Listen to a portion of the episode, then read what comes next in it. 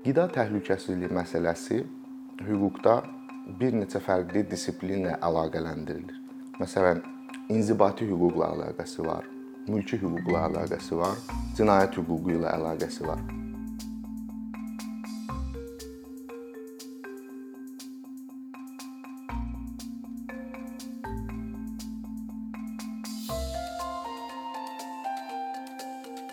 Qida təhlükəsizliyi məsələsi ilə bağlı danışmağa başlamadan öncə qida hüququnun yer aldığı platformalar hansılardır, hansı beynəlxalq bəyannamələrdə yer alıb qısaca buna giriş eləyərək başlaya bilərik.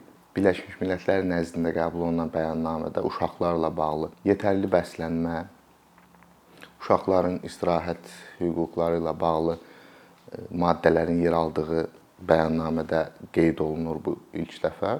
Günümüzün dünyasında e, bu beynəlxalq insan hüquqları bəyannaməsində qeyd olunur. Daha çox sosial hüquqlarla əlaqələndirilir. Çünki tam olaraq insan hüquqları mövzusunda özünə konkret bir yer seçə bilmir qida hüququ. Lakin bu dolayısı olaraq bizim sosial hüquqlarımızla iç-içədir.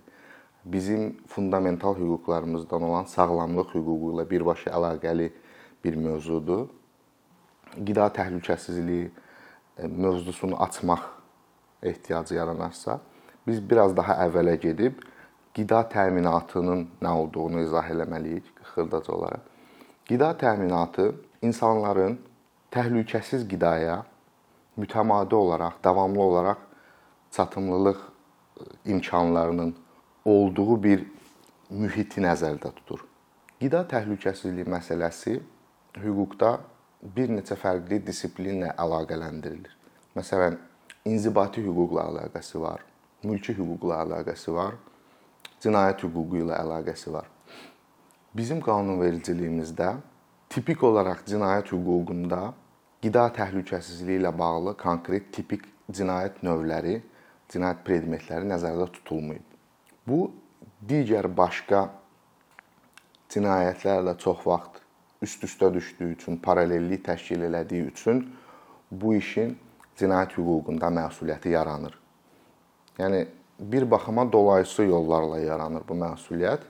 Cinayət hüququnda mövcud olan dələduzluq, hüquqa zidd şəkildə gəlir əldə etmə, mənfəət əldə etmə əməlləri əgər hüquqa uyğunluq təşkil etmirsə, cinayət hüququnda cinayət olaraq cinayət əməli olaraq nəzərdə tutulubsa, bu hallarda bunun mövzusu əgər qida təhlükəsizliyidirsə, bu əməlləri törədən şəxslər cəzalandırıla bilər.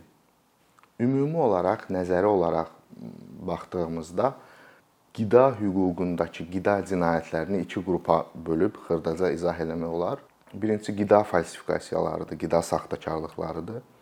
Bu istehlaka hazır olan hər hansı bir qida maddəsinin daha az keyfiyyətli olan bir formasını saxtakarlıq predmeti mövcud olacaq şəkildə haqsız mənfəət əldə etmə məqsədi ilə istehlaka təqdim edilməsidir və istehlakçıların qənaətlərini yanıltmağa hesablanmış e, əməllər bu cinayətin mövzusu ola bilər. Qida dələduzluğu isə açıq bir şəkildə istehlakçını yanıltmaq deməkdir. Yəni qida maddəsinin satılmağa hazır olan bir qida maddəsinin hansısa bir başqa bir üstün keyfiyyətlərə malik qida maddəsinin alternativi olaraq deyil də birbaşa orijinal bir məhsul olaraq təqdim edilməsi, lakin üzərində etiket e, hissəsində aparılan qeydlərin həqiqətdə qida maddəsinin tərkibi ilə uyğun olmamasından söhbət gedir. Və bunun cinayət hüququnun predmeti ola bilməsi üçün bəzi kriteriyalar, şərtlər var. Bunlardan ən önəmlisi ortaya bir zərərin çıxmasıdır. Yəni istehlakçının zərərə uğradığı, istehlakçının şəxsən və yaxud da kütləvi şəkildə ictimai sağlamlığa zərər vurma halları mövcud olduqda bu cinayət üzrə mülahizələr yürütmək mümkün olur. Zərər ifadəsi, zərər qavramı isə yenə iki şəkildə izah eləmək doğru olardı. Vaxt etibarilə, zaman etibarilə birbaşa ortaya çıxan zərər, yəni istehlakçının qida maddəsini istehlak elədiyi zamandan qısa bir zaman sonra ortaya çıxan fəsadlar zərər olaraq istər maddi, istər mənəvi, yəni sağlamlıq baxımından və büdcə baxımından ortaya çıxan, yəni maddi və mənəvi, mənəvi zərərlər zərərin ikinci bir interpretasiyası, ikinci bir görünüş biçimi isə zaman intervalında uzun bir zamana yayılmış zərərlər ola bilər. Məsəl üçün təsbit olunmayan təhlükəli bir qidanın uzun müddət ərzində istifadəsi və bunun fəsadların ortaya çıxmaması və yaxud da bir neçə illər sonra ortaya çıxa bilməsi. Belə olan hallarda praktiki olaraq həmin dələduzluq əməlinin, həmin hüquqa zidliyin təsbit edilməsi təbii ki, həmin anda mövcud olmur. Bir müəyyən müddət sonra ortaya çıxır. Bunun isə ictimai sağlamlıq baxımından izlənməsi mümkün olmadığı üçün daha ağır bir kateqoriyadır. Qida təhlükəsizliyinin inzibati hüquqla əlaqəsi isə artıq bir zərər ortaya çıxandan sonra cinayət hüququnda deyəlim ki, bir cəza tədbiri həyata keçirildikdən sonra, hökm verildikdən sonra həmin əlaqədar şəxslərin eyni zamanda inzibati hüquq çərçivəsində inzibati cərimələri nəzərdə tutulur. Bu cərimələr çox vaxt miqdar olaraq az olduğu üçün, nisbətən az olduğu üçün çox vaxt tənqid olunur və caydırıcı, yayındırıcı effektinin olmadığı yönündə tənqidlər olur. Üçüncü mülki hüquqla bunun əlaqəsi isə daha çox maddiyyatla bağlı məsələlərdə e, özünü biruzə verir. Yəni istehlakçının maddi zərərini kompensasiya edə bilməsi üçün müraciət eləyəcəyi hüquq mülki hüquqdur və mülki məhkəmələrdir. Bunlar müxtəlif başlıqlar altında ələ alınır. Büdcəyə zərərli olduğu üçün xərclədiyimiz pul. İkincisi, sağlamlığımıza ciddi təsirlər olduğu üçün bizim səhiyyəyə ödədiyimiz e, məbləğlər və digər üçüncü başqa alternativ bununla əlaqəsi olan başqa xərcləri biz mülki hüquq əsası ilə həmin tədarükçülərdən e, kompensasiya olaraq istəyə biləcəyimiz yer yenə mülki hüquq və mülki məhkəmələrdir. Burada qeyd olunmalı olan bir məsələ də ondan ibarətdir ki, heç də hər zaman sonuncu tədarükçü məsuliyyət daşımır sadəcə.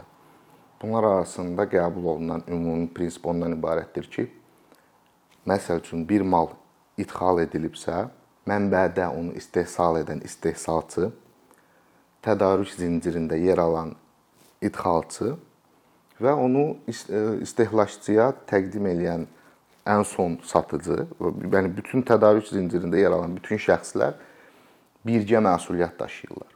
Bütün bunları bilməyin vacibliyi ondan ibarətdir ki, istehlakçılar öz şüurlu istehlakçılıq bacarıqlarını inkişaf etdirməlidirlər. Buna görə hüququn hansı sahələri ilə əlaqəsi var, bunları bilmək orta statistik bir vətəndaş üçün düşünürəm ki, faydalı olar ölkəmizdəki reallıqları nəzərə alaraq istehlakçıların məhkəməyə, hüquq mühafizə orqanlarında yer alan digər qurumlara, digər aktyorlara müraciət etməməsinin səbəbi hardasa inamsızlığın mövcud olmasıdır. Amma şuurlu istehlakçı demək həm də eyni zamanda mövcud olan bütün potensial vasitələri istifadə vərdişlərinə yiyələnən bir insan deməkdir. Yəni biz qarşılaşdığımız hadisədə cinayət predmetini hər zaman görməyə bilərik. Lakin ən azından maddi olaraq və mənəvi olaraq zərərə məruz qaldığımız bir yerdə mütləq vətəndaş olaraq vətəndaş mövqeyini ortaya qoyaraq müvafiq qurumlara müraciət etmək bunun nəticəsini öncədən proqnozlaşdıra bilməsək belə çox önəmlidir. Çünki məhkəmənin bir mexanizm olaraq işləməsini və prokurorluq, istintaq orqanlarının mexanizm olaraq işləyə bilməsinin lokomotivi sadəcə ona gedən müraciətlərin sayıdır. və o müraciətlərin sonradan izlənə bilmə bacarıqlarının olmasıdır. Yəni öncədən nəticəni proqnozlaşdırıb müraciət etməmək vətəndaşların çox vaxt düşdüyü bir yanılğıdır deyə şəxsən düşünürəm.